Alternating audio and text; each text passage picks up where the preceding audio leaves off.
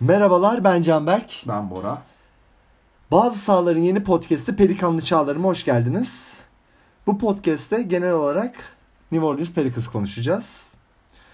Ama özel olarak ilk podcast'imizde Anthony Davis takası, yaz hamlelerimiz, draftlarımız, preseason, sezon beklentimiz ve alt üst tahmini yapacağız. Öncelikle Bora ilk podcast'imiz. Heyecanlı mısın? Biraz heyecanlıyım açıkçası. E, yani çok olmadığı sürece bir sıkıntı yok. Peki o zaman ilk topu atarak başlayayım. Anthony Davis takası. Anthony Davis, Davis takası zaten e, geçen sene kıştan beri beklediğimiz bir hamleydi. Ne olacağı konusunda bir, bir sürü soru işareti vardı. Zaten ikinci e, sezonun ikinci döneminde de oynatmamıştık Anthony Davis'i.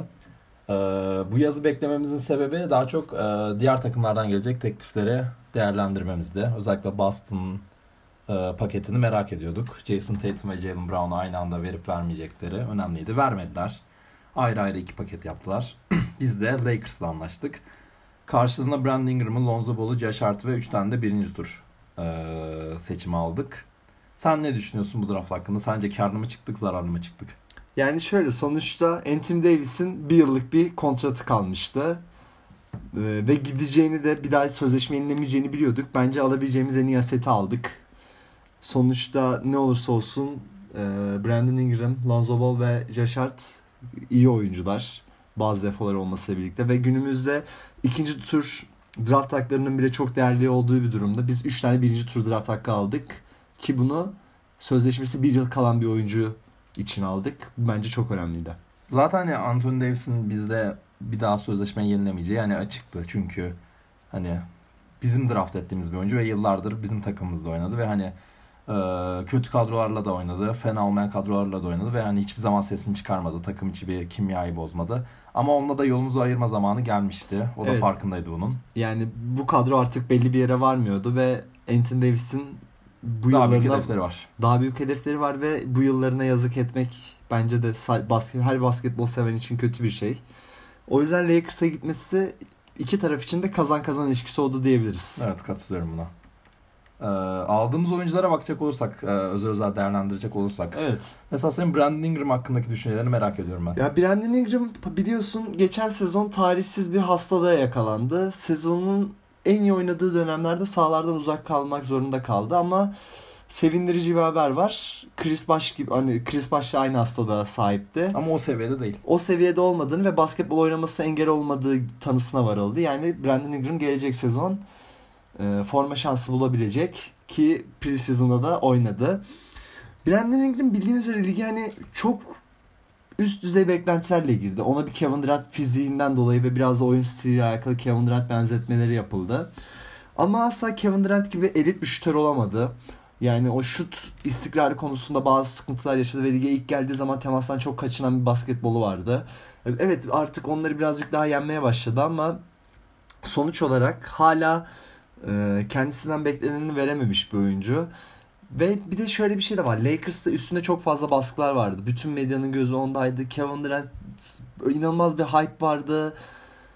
Yani üstünde çok büyük baskı vardı. New Orleans Pelicans'ta bu baskıyı birazcık daha ya biraz değil bayağı bir az olacağını düşünürsek Brandon Ingram için gayet iyi bir sezon olabileceğini düşünüyorum. Onun dışında geçen yıl yani az söylediğim gibi Luke Walton topu ona emanet etmişti. LeBron'un sakat olduğu zamanda. Bir oyun kurucu gibi oynuyordu ve gerçekten de e, iyi oyun kuruyordu. Takımına güzel bir pas istasyonu oluyor. Zaten topu yere vurabilen kanat oyuncularının çok revaçlı olduğu bir dönemde Brandon Ingram değerli bir parça. Umarım gelecek sezon bizim bizden beklentimizi verir. Yani ondan Kevin Durant olmasını beklemiyoruz ama Brandon Ingram gibi top oynaması yeter. Sen ne düşünüyorsun peki Brandon Ingram hakkında? Evet yani Brandon Ingram senin de dediğin gibi hani daha çok Kevin Durant beklentisiyle lige girse de Luke Walton onu yani topa emanet edip daha çok bir e, point forward gibi kullanması onun bence kariyeri açısından da iyi oldu. Çünkü hani o derecede iyi bir skorer olmayacağını az çok anlayabiliyoruz. Evet. Şu anda belli ediyor ama e, topu yönlendir topu yönden top yönlendirici durumunda daha yararlı bir oyuncu olabilir. O zaman ikinci oyuncumuzu sana sorayım. Lonzo Ball. Lonzo Ball da hani en az Brandon Ingram kadar büyük bir hype ile girmişti lige. Ee, iki sene önce sanırım. Evet. İki sene önce. Babası da tabii bu konuda e, rol oynamıştı. Ama inanılmaz da bir kolej kariyeri vardı. Yani evet UCLA, UCLA'de gerçekten iyi bir sezon geçirmişti. Ama lige girdiğinde hani o inanılmaz hype'ı tam olarak karşılayamadı. Çünkü hani şut formu zaten e, sıkıntılı olduğunu görüyorduk ama NBA'de bu şut formu e, daha da zorladı onu. Serbest atış istatistiği, istatistiği zaten hani rezillik konumunda. bir- %40'larda atıyordu. Evet bir NBA point guardına göre rezil durumda. Ama hani Lonzo Ball'un avantajlarına gelecek olursak bir kere inanılmaz bir kısa savunmacı. Gerçekten dış savunmamızı hani herhangi bir takımın dış savunmasını bir seviye daha atlatabilecek seviyede bir oyuncu. İyi bir pasör. Bence gerçekten yeterli bir pasör. Şut konusunda sıkıntıları açtığında bence kariyerinde hani iyi bir NBA point guardı olabilir diye düşünüyorum. Bu konuda kesinlikle katılıyorum sana. Çünkü hani zaten ileride konuşacağız ama bu bizim takımımızın ana e, silahının hücum değil savunma olduğu göz önünde bulunan bir gerçek. Bu yüzden de Lonzo Ball oraya çok iyi bir ekleme oldu. İnanılmaz bir kısa savunmacısı. Evet hücumda çok büyük defoları var. Yani bir günümüz NBA oyuncusunu bırak point guard'ı bir uzunluğun bile %40'la serbest atış atması demek rezillik demekti. Ama Lonzo Ball bütün sezon boyunca %40'lı serbest atış attı ve çok kötü bir üçlük yüzdesiyle oynadı. Sezonun sonlarına doğru birazcık performans artsa da genel anlamda bu iki sezonda bir hayal kırıklığı vardı. Bu sene şut formunu değiştirdi. Evet yazın Yani, videoları gördük. Evet ve e, preseason'a baktığımız zaman yüksek yüzdeyle serbest atış attığını gördük. Ya zaten kimse Lonzo'dan elit bir şutör olmasını %40'larla 45'lerle üçlük atmasını beklemiyor. Ama bir NBA oyuncusuysan o serbest atış çizgisine geldiğin zaman özellikle de bir kısaysan ikinci sıra seçimiysen senden serbest atış atmanı beklerler. Bakalım umarım önümüzdeki sezon bu sezon öncesi maçlarında olduğu gibi serbest atış istikrarını devam ettirebilir. Son oyuncumuz. Josh Hart da bence kötü bir ekleme değil hani. Bir ilk 5 parçası olarak bence net bir oyuncu değil şu an kariyerinin şu döneminde ama e, bench'ten getirip hani enerji katma konusunda 15-20 dakikalara kadar oynayabilecek bir oyuncu. İyi bir dış savunmacı. Şutu fena değil. Topu zaman zaman yere vurabiliyor iyi bir yaratıcı olmasa da bence kötü bir ekleme değil. Ki özellikle hani Zion Williamson'ı draft ettiğimiz bir dönemde spacing sorunları yaşayacağımız bir açıktı. Ve Josh Hart da bence o spacing sorunlarını biraz olsun çözebilmek için iyi bir parça. Ve hani topsuz oyunda bilen bir oyuncu. Evet yani topu sürekli elinde isteyen bir oyuncu değil. İyi bir şutör. Kısa savunması konusunda defoları var ama inanılmaz büyük defoları da yok. Bu yüzden ya zaten kimse Josh Hart'tan büyük sorumluluklar almasını beklemiyor. Görev oyuncusu. Görevini yapacaktır. Evet. O zaman konuşacağımız diğer konuya geçelim. Yaz eklemelerimiz. Şimdi biliyorsun J.J. Redick, Derek Favors ve Nikola Melli'ye takımımıza kattık. Biraz da bu oyuncular üstünde duralım istiyorum. J.J. Redick hakkında ne konuşmak istersin? Ee, J.J. Redick öncelikle bizim takımımız için gerçekten önemli bir ekleme. Hani ilk olarak karakterini konuşacak olursak zaten e, NBA'de fazlasıyla sevilen ve saygı duyulan bir oyuncu. İyi bir karakter. Soyunma odası için e, iyi bir ekleme. Mentörlük yapabilecek bir oyuncu diğer kısalarımıza. E, oyun açısından bakacak olursak da hani bizim takımımızın bu sene hücumdaki en büyük sıkıntılarından biri spacing ve bu spacing'i bu spacing'i sağlamak için şut e, katkısına ihtiyacımız var. Bu takımdaki en net şutör hani tartışmasız J.J. Redick. O yüzden bu sene takımımız için çok önemli olacağını düşünüyorum J.J. Redick eklemesini. Zaten Philadelphia'da da hani o spacing'i sağlayan isim J.J. Redick'ti. Yani Philadelphia'da o kadar spacing'den uzak bir takım vardı ki bütün setler J.J. Redick'in üstünden dönüyordu. J.J. Redick ve Embiid'in sürekli etrafında dolaşması sonucu bir set oynuyorlardı. Ben de sana katılıyorum bu konuda. J.J. Redick karakter açısından zaten NBA'de en çok sevilen oyunculardan bir tanesi. Nokta şutör ve e, sonuçta veteran sayılabilecek bir yaşta. Bizim de takımımızın ana çekirdeğinin çok genç olduğunu düşünürsek J.J. Redick bence inanılmaz bir hamle. Katılıyorum sana. Ki bugün günümüz NBA'inde J.J. Redick'i istemeyecek bir tane NBA takım bulamazsınız. Çünkü oyun artık daha fazla şuta dayalı olduğu için ve J.J. Redick de elit bir şutör olduğu için her takımda forma şansı bulabilecek bir oyuncu. Ve yılda da 12,5 milyon aldığını düşünürsek bence gayet iyi bir imza olduğunu düşünüyorum. O zaman ikinci oyuncumuza geçelim. Derek Favors. Derek Favors şu konuda birazcık eleştirildi. Birazcık yüklü bir kontrat. En azından Derek Favors için. 16 milyon dolar alacak. Evet Derek Favors hakkında ne söylersin? Yani bu 16 milyon Derek Favors için biraz overpaid olabilir ama hani bu bu cap space'i bir şekilde elimizden çıkarmamız gerekiyor, harcamamız gerekiyor ve Bu takımda hani çember savunucusu eksiğini düşünecek olursak Derek Favors bu konu için e, gerçekten iyi bir ekleme. Bu sorunu ciddi anlamda çözebilecek bir ekleme. Hücum konusunda bence e, hani elit bir hücumcu değil kesinlikle ama orta mesafesi olan post oynayabilecek bir oyuncu. Bu konuda yeterli. E, screen yapabilecek bir oyuncu. Savunma reboundlarını, hücum reboundlarını toplayabilecek bir oyuncu. Ve hani e, iki tane genç uzunumuz olduğunu düşünürsek özellikle Jackson Hayes bu seneki çaylağımız bence iyi bir mentor olacaktır Derek Favors. Evet Derek Favors konusunda kesinlikle sana katılıyorum. Utah Jazz günlerinde Rudy Gobert'in çok arkasına kalmıştı ve insanlar onu bir hücum opsiyonu olarak daha çok görmüyordu. Ama Derek Favors ne olursa olsun elit bir hücumcu olmasa da ortalama üstü bir hücumcu. Or gerek orta mesafe şutuyla gerek içeride iyi bitirebilme özelliğiyle. Bu yüzden Derek Favors kesinlikle bu takımın ihtiyacı olan bir hamleydi. Ee, özellikle senin söylediğin gibi pota alt savunmasında ki günümüzde NBA takımlarının mutlaka bir tane takımlarında bulundurdukları bir oyuncu türü. Derek Favors çok yerinde bir hamle oldu. Ve son olarak Fenerbahçelerin gözü nuru çiçeği Nikola Melli. Yani Fenerbahçeleri üzdü. Ben de dahil olmak üzere.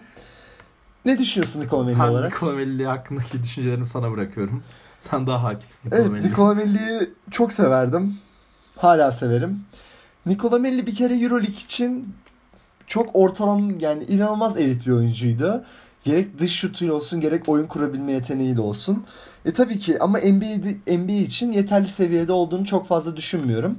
Bu takımda daha çok 10-15 dakika süre alıp bench'ten gelip e, ben daha çok Zion'lu 5'lerde center olarak oynayacağını düşünüyorum. Biz belli bir spacing yaratmak için. Ki bunu preseason maçlarında da denedik işe de yaradı açıkçası. İyi de şut attı Melli. Evet Melli yani gayet iyi şut attı ki günümüzde ya günümüzde demeyeyim de çaylakların şut ritmini bulma konusunda birazcık sıkıntılar var ama sonuçta Melli tecrübeli bir oyuncu. tecrübeli bir oyuncu. Yani çaylak statüsünde artık olmaması lazım ama işte NBA çaylak statüsü olarak görüyor onu. O yüzden Nikola Melli önemli bir parça. 10-15 dakika olsa bile bir enerji getirebilecek savunmada inanılmaz yırtıcı değil. Yani inanılmaz bir sav potal savunmacısı değil ama kısanın karşısında durabilen ve savunma zekası yüksek bir oyuncu. Oyun okuma yeteneği çok yete- yerinde ve e, topu yönlendirecek üçüncü oyun kurucu anlamında da Nikola May kullanabilir. Çünkü e, point kartlara çok fazla yük biniyor ve Nikola Melli bu yükü birazcık daha azaltabilecek seviyede bir oyuncu çok yerinde olduğunu düşünüyorum açıkçası Nikola Melli hamlesinin. Dediğim gibi kimsenin ondan çok büyük beklentileri yok ama gayet yerinde bir hamle. Katılıyorum sana. O zaman, o zaman, o zaman geldik asıl konuşacağımız kısma. Draft. Biliyorsun birinci sıra hakkı bize geldi. Hiç kimsenin beklemediği bir şekilde. Nasıl geldi bilmiyoruz. Büyük bir algı vardı. Yok neymiş New York Knicks birinci tur draft hakkını alacakmış. Lotarya şikesi mi? Herkesin kafasında öyle bir algı vardı. Durant, Zion, Kyrie. Arkadaşlar burası NBA. Burası özgür Amerika. Burada her an her şey olabilir. Nitekim de oldu. Birinci sıra hakkı bize geldi. Herkesin de zaten kafasında olduğu gibi bizim GM'imizin de kafasında tek bir şey vardı. Zion Williamson. Evet, Zion Williamson konuşalım o zaman. Allah'ın öz oğlu Zion Williamson. Zion Williamson'ın hani birinci sıradan seçileceği neredeyse kolej sezonu başlamadan itibaren belliydi. Bir ara R.J. Barrett'ı daha öne yazanlar vardı ama hani kolej sezonundan sonra tescillendi adeta Zion'un net bir şekilde birinci sıra seçimi oldu. Biz de birinci sıradan Zion'u çektik. Ee, ilk başta hani e, New York'ta oynamak istediğine dair saçma bir algı vardı. Yani ben gerçekten bunu anlamıyorum. Medya yok işte Zion New York dışında bir takımda oynamak istemiyor. Yok Zion böyle, yok böyle. Hayır sen çaylaksın. Nere kim seçerse orada oynayacaksın. Aynen öyle. Hayır zaten ona geçtim. Zion da böyle bu düşüncede. Evet. Bu haberler çıktıktan 2 veya 3 gün sonra hemen bir açıklama yaptı. Ben New Orleans Pelicans'ta oynamak istiyorum diye. Yani New Orleans Pelicans'a karşı bir Karalama kampanyası. vardı ama Zion Williamson yaptığı açıklamayla Gereken birlikte cevabı verdi. gereken cevabı verdi. Buradan o basına da New York camiasına. New York camiasında evet en büyük pazar sizsiniz ama en salak yönetilen takım da sizsiniz. Buradan da bunun mesajını veririm. Özür de dilemiyoruz. Ben özür dilemiyorum Ben açıkçası. de dilemiyorum. Haklı İnanılmaz bir karalama kampanyası vardı. Yani New Orleans Pelicans da köy değil sonuçta. Evet. Köy değil sonuçta. Küçük bir pazar olmamız Yani artık büyüme vakti geldi zaten. Caz şehriz. Neyse buralara girmeyelim. Ee, Zion Williamson çektik. Zion Williamson inanılmaz bir kolej sezonu geçirdi. Gerçekten hani tarihi bir kolej sezonu geçirdik de. Belki hani o Final Four yapamadılar ama bundaki hani sorumlu tabii ki Zion değildi. Takımın çok daha ciddi sıkıntıları vardı.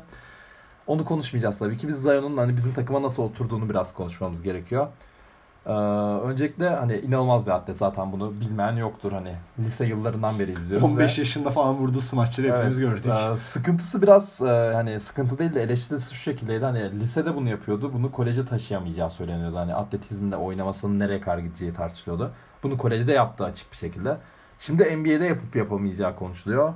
Ama bence hani atletizmini gösterme konusunda bir sıkıntısı sıkıntı yaşayacağını düşünmüyorum. Çünkü hani topsuz oyun aklı gerçekten çok iyi ve oyunu inanılmaz istekli oynadığı için e, bence NBA seviyesine de taşıyabilecektir. E, ben de Zion Williamson hakkında senin söylediklerine kesinlikle katılıyorum. Ama konuşmadığımız bir iki şey daha konuşmak isterim. Şimdi bir kere senin de söylediğin gibi bu oyuncuya kolejde atletikliğini taşıyamaz veya kolejde bu kadar dominant oynayamayacağını söylüyorlardı. Ki bunu aslında söylemeleri biraz mantıklı çünkü kolejde bildiğiniz üzere alan savunması yapılıyor ve alan savunmasında da isminden belli olduğu gibi alana hücum etmek çok saçmadır. Zion Williamson'ın ana repertuarının alan olduğunu düşünürsek ona rağmen Zion Williamson e, e, kolej senesinde gayet iyi bir oyun sergiledi. E, zaten ileride de konuşacağız ama sezon şey pre-season'da da inanılmaz dominant bir oyun oynadı o bölgede. Evet normal NBA'de böyle oynayabileceğini düşünmüyoruz yani açıkçası ama tabii. E tabii ki. Zion çok göz önünde olan bir oyuncu olduğu için herkes onun yapabildikleri şeyleri çok fazla biliyor. Yani Zion oyun stiline herkes hakim. Ama bizim benim asıl konuşmak istediğim şey Zion'un eksikleri. Çünkü NBA'de daha çok biliyorsun iyi süperstar olma seviyesi yapabildiklerinden çok yapamadıklarına göre şekilleniyor. Zion Williamson'ın eksiklikleri hakkında konuşalım birazcık da. Ee, Zion Williamson'a öncelikle saçma sapan benzetmeler görüyoruz. Mesela LeBron James benzetmesi var. Julius Randle, zıplayabilen bir Julius, Julius Randle benzetmesi var. Charles Barkley benzetmesi var. Ee, bence hiçbiri değil Zion Williamson'ın kendine has bir oyunu var ve onu Zion Williamson olarak görmemiz gerekiyor. Ee, eksiklerinden bahsedecek olsak tabii ki e, şutunu öncelikle görebiliriz. İlk başta konuşmamız gereken evet. şey şutu. E, şut atmayı öğrenmesi gerek kesinlikle. E, şut stili biraz stabil duruyor açıkçası.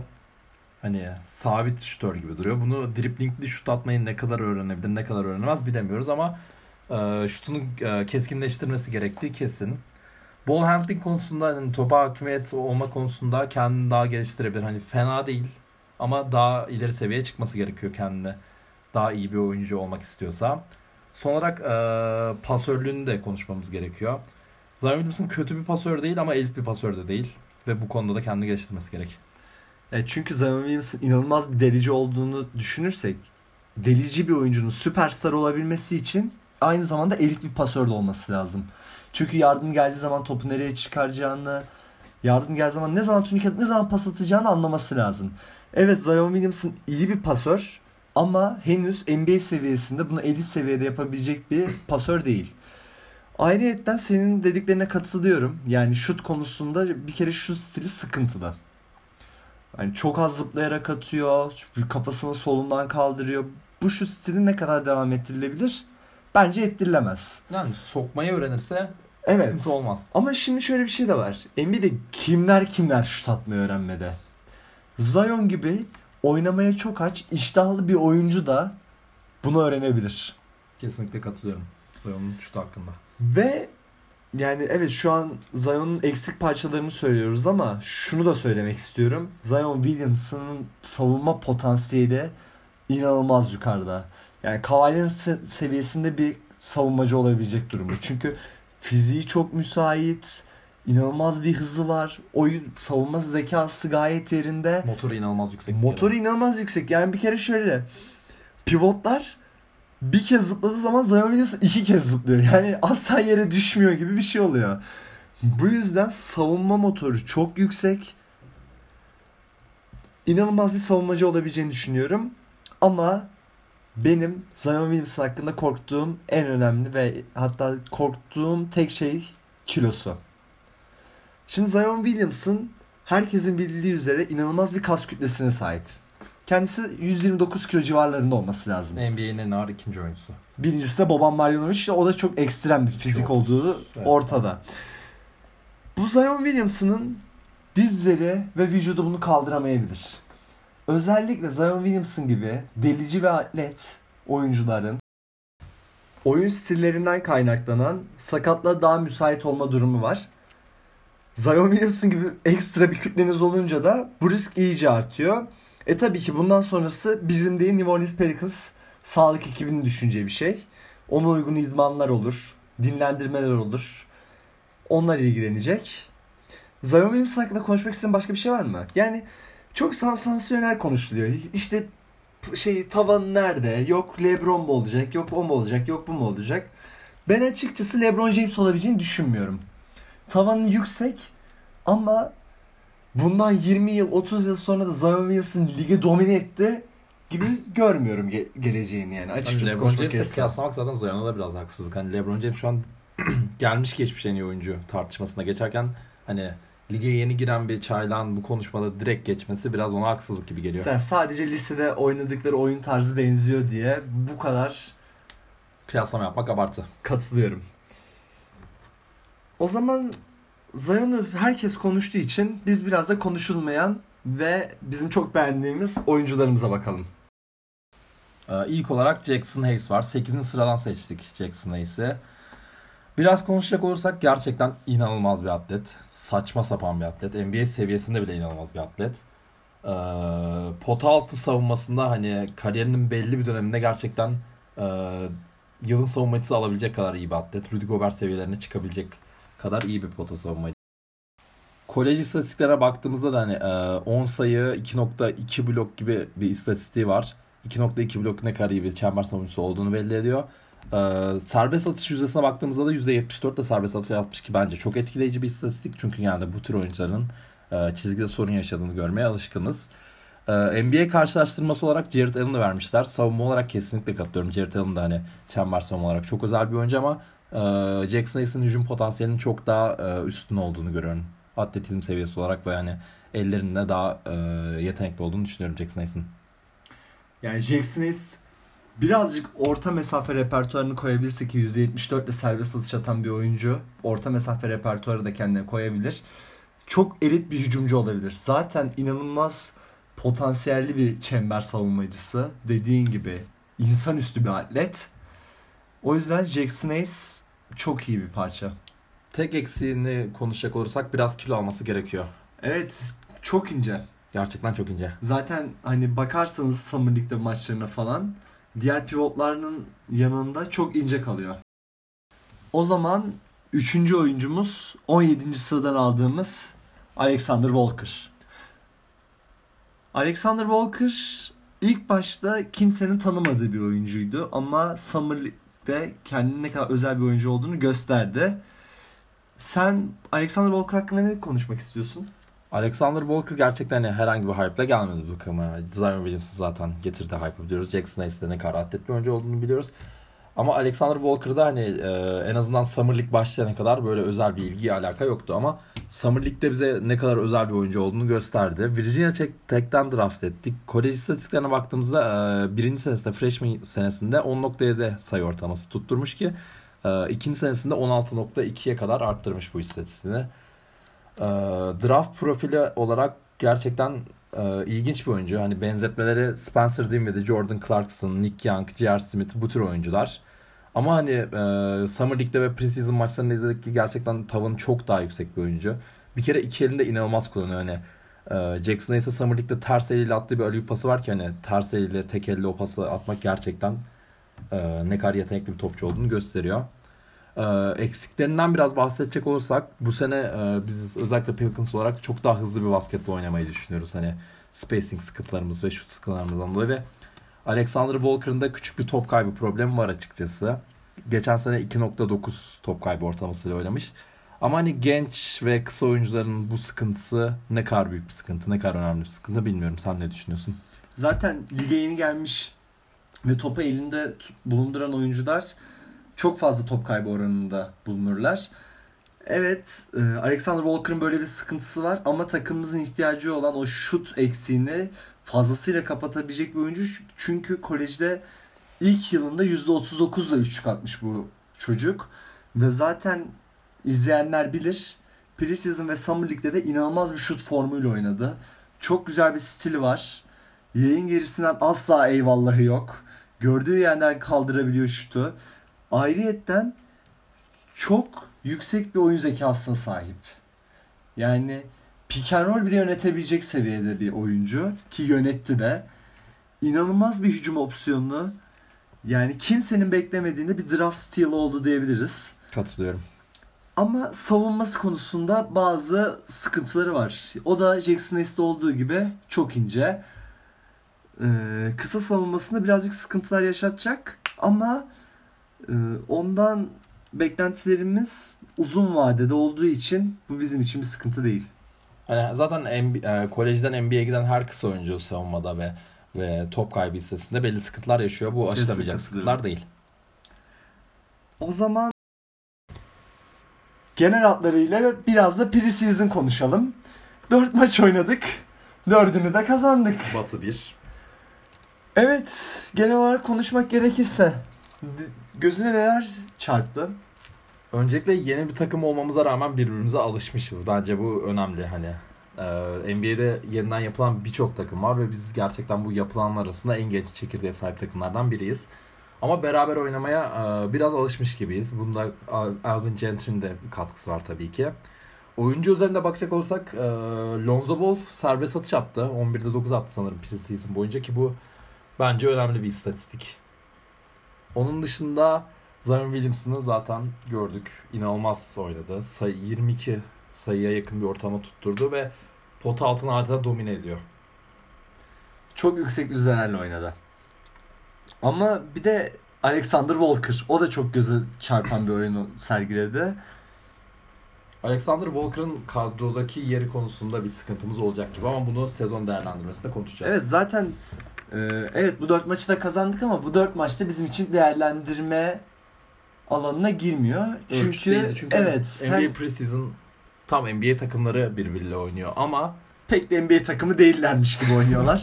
evet gerçekten. Bir de oynadığımız takımlar yani Atlanta ve Chicago oynadık iki maç. O ikisini zaten kesinlikle ölçüt olarak almak ölçüt olarak alamayız. Belki hani Utah Jazz'le San Antonio Spurs maçlarını alabiliriz ama o da dediğimiz gibi hani preseason maçları çok fazla ölçüt alınabilecek maçlar değil. O yüzden ben daha çok sezon beklentilerimiz hakkında konuşmak istiyorum. Sezon beklentilerine gelmeden bu arada preseason'da Nikola Melli gerçekten inanılmaz oynadı. Evet. Nikola Melli o aradığımız spacing'i yarattı. Kesinlikle. Onun dışında başka ekstra katkı olarak göreceğimiz gene Alexander Walker harika oynadığını belirttik. Ee, Derek Favors biraz açıkçası kötü mü gözüktü yoksa veteran oyuncu yapar mı? Yani şimdi şöyle bir şey var. Bunlar pre-season maçları. Veteran oyuncuların pek burayla alakası yok. Çünkü onlar çok görmüş geçirmişler artık. Yani Drew Holiday'in de kötü gözüktüğü bir tane maç vardı sanırım Utah Jazz maçı. Ama yani Drew Holiday'in pre-season maçında kötü oynaması bizim için fazla bir şey ifade etmiyor. Evet.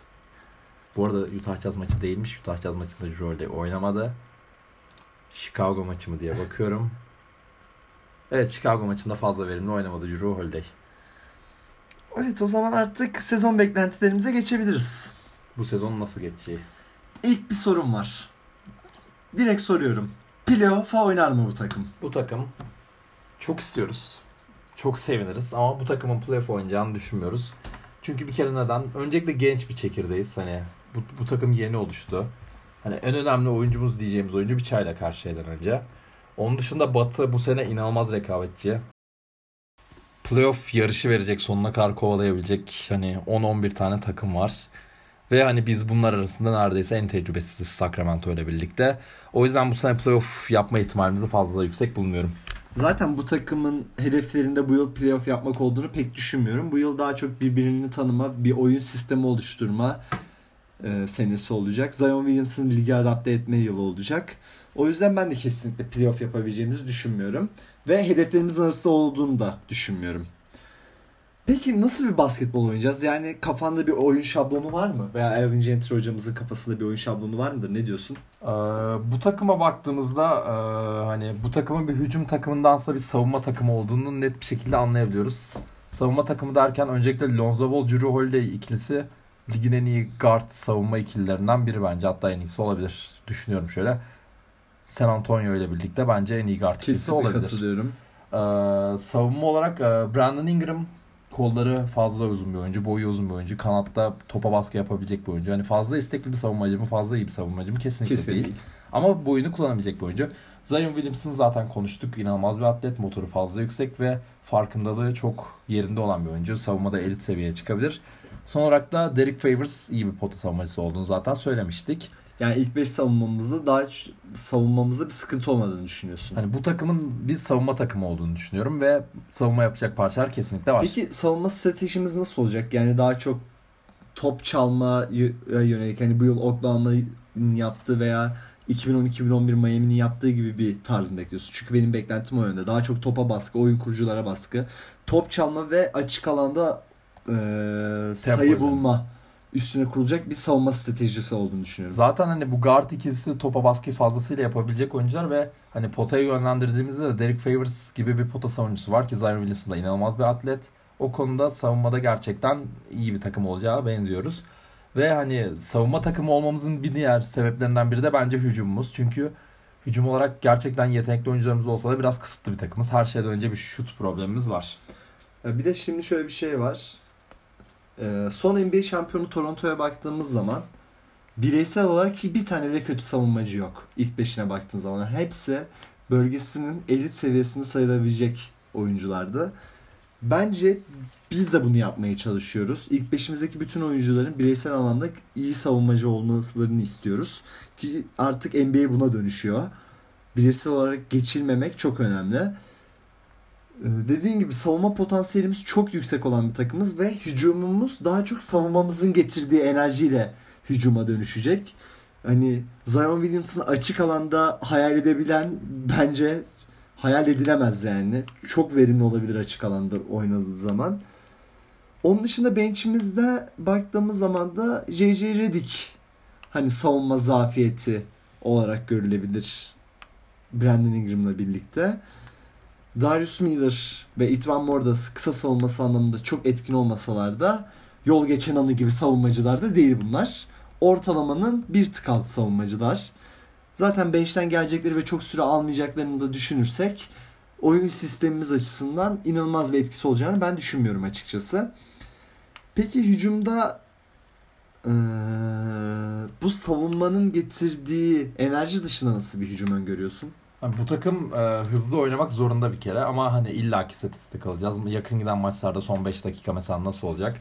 Bu konuda biraz sıkıntılıyız açıkçası. Öncelikle bir spacing sıkıntımız oldu bence aşikar. E, ilk beşimize bakacak olursak hani şutuna net olarak güvenebileceğimiz bir isim var mı? Hiç yok. Yani bizim bu arada kafamızdaki başlangıç ideal 5 şu. Lonzo Ball, Jrue Holiday, Brandon Ingram, Zion Williamson ve Derek Favors. Hani bu beşi arasında üçlük çizgisinin gerisinde ne hani en çok güvendiğim isim Jrue Holiday'dir. Ki Holiday o ne da kadar net iyi şutör değil. O yüzden bende şöyle bir düşünce var. Maça başlayan 5 bu olacak. Evet, evet ama bitiren 5 kesinlikle bu olmayacak. Gibi 5 düşünce zaten kesinlikle böyle olmamalı. Hani Çok büyük sıkıntı yaşarız. Gerçekten çok büyük sıkıntı yaşarız ki bence maça başlayacağımız 5'in de hani hücum sıkı- konusunda sıkıntıları var çünkü e, Lonzo Ball bir kere topu elinde isteyen bir oyuncu. Pick and yönetmesi gereken bir oyuncu. Evet.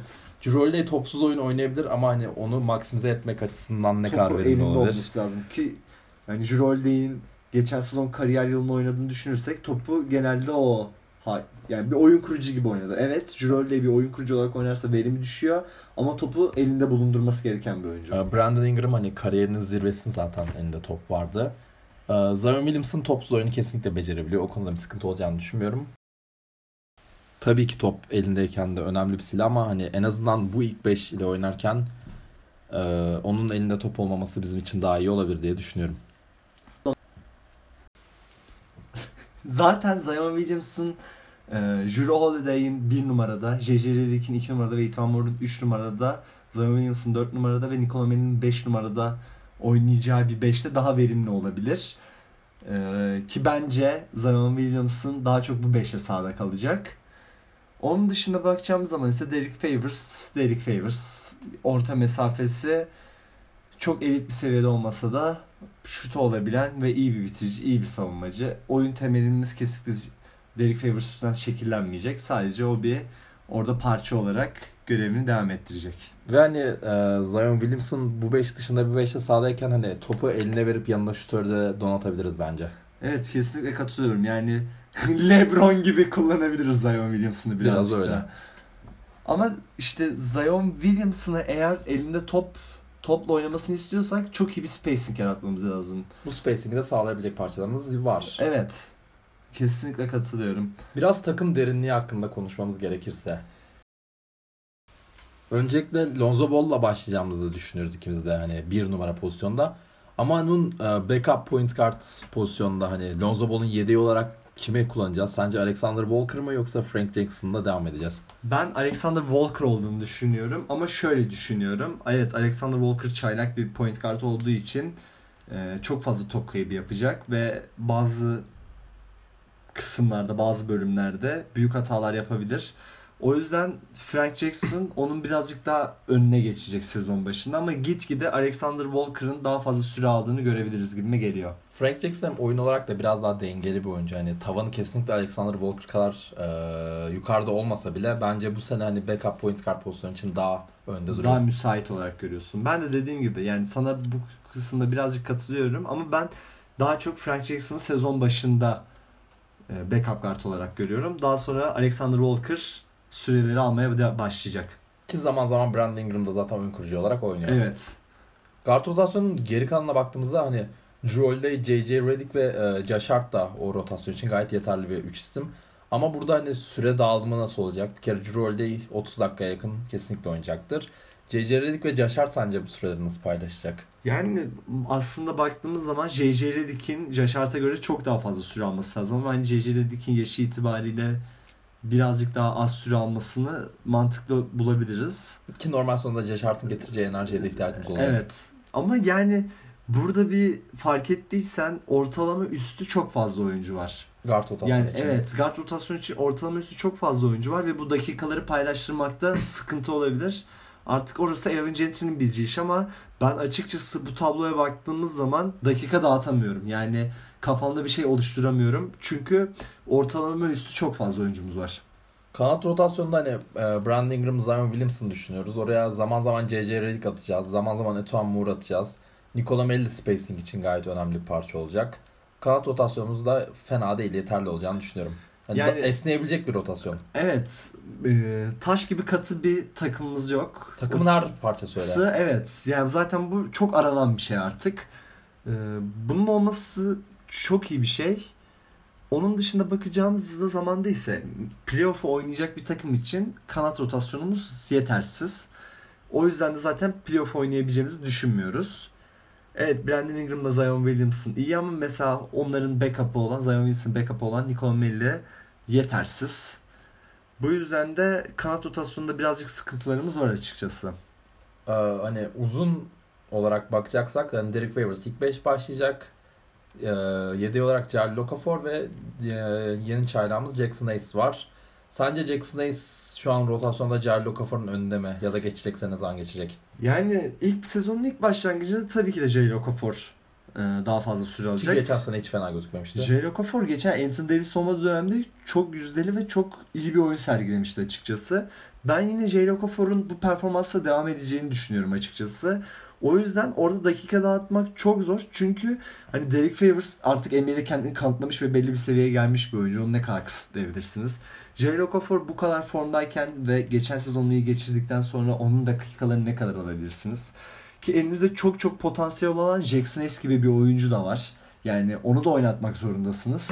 Hatta ve hatta Zion Williams'ın en verimli olacağı 5'te Nikola Melli'nin 5 oynaması gerektiğini de düşünüyoruz. Yani orada baktığın zaman 48 dakikada 4 tane çok net o, e, iyi oyuncularımız iyi oyuncularımız var. O yüzden de dakika dağıtma konusunda orada çok sıkıntı yaşayabiliriz. Ben açıkçası bir takas bekliyorum. Yani draft hakkına dönüşebilecek Ki Jarl oyuncularımız- Okafor da şu an hani piyasası da varken piyasası varken ben açıkçası tam da benim söylemek istediğimi söyledim. Ben J. Okafor'un sene ortasında takas olabileceğini düşünüyorum. Ki bence hani Etuan Moore bence spacing için önemli bir parça ama hani önemli bir mesela takas teklifinde gözden çıkarabileceğimiz parça. Ben tabii ki de yani Ethan Moore sonuç olarak bu takımın gelecek planlarının arasında yok. Yani ne kadar gelecek planlarımız içinde olabilir? Eğer uygun bir draft veya uygun bir teklifle bize geleceklerse Ethan Moore veya Josh Hart bunların hepsi Kendi gözden çıkarılabilecek. E, Tabii ki kendi bunların hepsi gözden çıkarılabilecek parçalar. Sonuçta önemli olan takımın geleceği ve bunları sağlamak için de bu oyuncuları takaslamamız gerekiyorsa hiçbir e, tereddütte kalmadan takaslamalıyız diye düşünüyorum. Ki rotasyonda çok fazla oyuncumuz olduğu için bunu da yapmalıyız açıkçası. Ki biz böyle konuştuk ama bu der- bu derinlik tabii ki bir dezavantaj değil. Yani bu kadar derin olmamız. E tabii ki derin yani NBA takımlarının en çok aradığı şeylerden biri de derinlik. Ama playoff'a doğru bu derinlik gitgide gitgide gitgide azalıyor ve artık rotasyonlar 7-8 kişiye kadar düşmeye başlıyor. Ama biz bir playoff takımı değiliz. Biz normal sezon takımıyız ve normal sezonda en çok aranan şey derinliktir. Ve çok rahat 12-13 oyuncu kullanabilecek E tabii ki yani şimdi bu yıl Pelicans taraftarları ve biz şunu göreceğiz. Her her maçta farklı bir kadro görebiliriz. Yani süreler çok değişecek. Bir bakmışsın Etvan Moore 20 dakika oynamış. Bir bakmışsın Jaşart 10 dakika oynamış. Bir bakmışsın Jaşart 20 dakika oynamış. Etvan Moore 10 dakika oynamış. Yani sene içinde çok fazla değişken olacak. Ve Aaron Gentry de açıkçası kafasındaki oyun stilini oluşturması için oluşturmasına birazcık zaman alacakmış gibi gözüküyor. Uygun beşi, maçı bit başlatan beşi, bitiren beşi oluşturması oyuncuları deneye deneye olacak. Ama özet Bakalım, olarak göreceğiz. şöyle diyebiliriz ki yani biz tempo üzerinden oynayacağız. Biz iyi savunma yapacağız ve maç kazanmaya çalışacağız ama playoff yapamayacağız. Evet, ya en azından maç kazanma kültürüne dair ufak bir başlangıç olması yeterli bizim için. Ki bu takımda o kültür görüldüğü Yok. üzere yok. Çünkü hani bu takımın oyun kurucusu Lonzo Ball ve forveti de Brandon Ingram. Bu Yani- çocuklar galibiyet yüzü görmediler. Hani Drew Holiday de aşırı. Yani evet Jrol'deydi yani ne kadar iyi oyuncu olursa olsun daha çok kazanmasından çok kaybetmeye alışık bir oyuncu diyebiliriz. Bu sene daha çok bir kültür oturmaya çalışacağız. Evet. Zevkli bir takım olacağız. Hızlı bir takım Kesinlikle olacağız. İzlemesi en zevkli takımlarından biri olacağız. Geçen yıl Brooklyn Nets nasılsa o genç çekirdeği nasıl bize eğlence veriyorsa Keza Atlanta. keza Atlanta oynanan basketbol ne kadar göze hoş geliyorsa biz de bu takımlardan biri olacağız. Yüksek tempoyla oynayacağız ki zaten yüksek tempo basketbolu her zaman göze hoş gelir. Oyun sıkışmaz, sürekli sayı olur. Biz o takımlardan biri olacağız. Birazcık kültür edinmeye çalışacağız. Aynı zamanda oyun sistemimizi oturtmaya çalışacağız. Bizim için bu yılki hedeflerimiz bu. Diyelim. O zaman son olarak Las Vegas bahis baronlarının o sihirli sayıları. Biliyorsun öyle baremleri yani inanılmaz sayılar buluyorlar. Yani üstüne bir yıl konuşulabilir bu sayılar hakkında. Bize de 38,5 vermişler. Las Vegas baronları. Gerçekten e, bu konuyu bu konuda işlerini iyi yapıyorlar. Adamların işleri bu. Ve gerçekten hani üstüne rezil olursun ya. Yani şurada 10 tane takım söyleseler kafanda evet ya 10 tanesi uyar dersin ama bir bakarsın sezon sonu hiçbiri tutmamış. Çünkü inanılmaz sayılar buluyorlar. E, bizim için de bu bu sayı bu sene bu sayı 38.5. Sen alt mı diyorsun üst mü diyorsun 38.5 baremine? Ben 38,5 baremine alt diyorum. Hatta alacağımız galibiyeti de e, içimden geçen ve düşündüğüm sayı olan 36-37 galibiyet arasında görüyorum. E, ben alt olacağını düşünüyorum Boracığım. Sen ne düşünüyorsun? Ben 38.5'a hani üst diyen birçok Spor yorumcusu var. gördüm. Evet gördüm. Biraz şaşırdım açıkçası hani Batı bu haldeyken zaten hani kafadan playoff yapacak dediğimiz 6 takım sayarım ben. Evet. Diğer Bu 6 takımın yanında hani saymayacaklarım arasında Portland var, San Antonio var. Ki hani Mavericks ve Sacramento da bizim gerimizde mi kalır, önümüzde mi kalır? Bence ben tartışmaya açık. realist bir bakış açısıyla Sacramento'nun ve Dallas'ın bizim önümüzde olduğunu düşünüyorum. Dallas belki tartışılır ama Sacramento bizim kesinlikle önümüzde. Ben de tam tersi düşünüyorum. Dallas'ta Porzingis, Doncic ikilisi bence playoff sonuna kadar zorlayacaktır. Ben Porzingis'in nasıl döneceği konusunda ufak soru işaretlerim olduğu için öyle demiştim. Ben de çok sevdiğim için niyeyse biraz duygusal baktım. Evet birazcık duygusal bakmışsın ama biliyorsun bu işte duygusallığa yer yok. Evet ama ben de 38.5 alt diyorum üzülerek. Peki sen kaç galibiyet görüyorsun? Bir de tam sayı söyle bize. 38. 38 galibiyet. Evet. Yani bir galibiyetle alt üst baremini kaçacağımızı Evet. düşünüyorsun. Evet. Ya şimdi bir de insanlarda şöyle bir şey var. İşte bakıyorlar ki aa geçen yıl Atlanta bile galibiyet almış. Ama Atlanta geçen yıl playoff yarışının artık böyle iyice kopmaya başladığı zamanlarda doğuda galibiyet almaya başlamıştı. Yani sezon ilk döneminde hiç galibiyet alamayıp son dönemlerinde playoff yarışındaki o son takımların iyice kopmasıyla beraber galibiyetler almaya başlamıştı. Ha, bazı batı takımlarına karşı playoff yarışıncı olan takımlara karşı da almışlardı ama e, yani ağırlıklı olarak doğunun sonuncu ekiplerine karşı Ki orada Trae Young'ın inanılmaz formda. daydı. Ki bizim böyle bir şansımız da yok çünkü herkes playoff kotasında ve ağırlıklı olarak maçlarımızın batıda olacağını düşünürsen e, bizim senenin sonlarına doğru galibiyet yüzlerimizi arttırmamız gibi bir olanak da bence pek Mümkün, mümkün, değil. değil. Bu yüzden de ben al kesinlikle alt olacağını düşünüyorum. Bazı spor yorumcuları dediğin gibi üst demiş ama ben alt olduğunu düşünüyorum. Ben de öyle aynı şekilde. Sene sonu göreceğiz. Onların yüzü kızaracak, bizim yüzümüz kızaracak. Göreceğiz. E o zaman bu podcast'in yavaş yavaş sonuna gelelim. İlk podcast'imizde hatamız olduysa affola. Bizi dinlediğiniz için teşekkürler. Görüşürüz.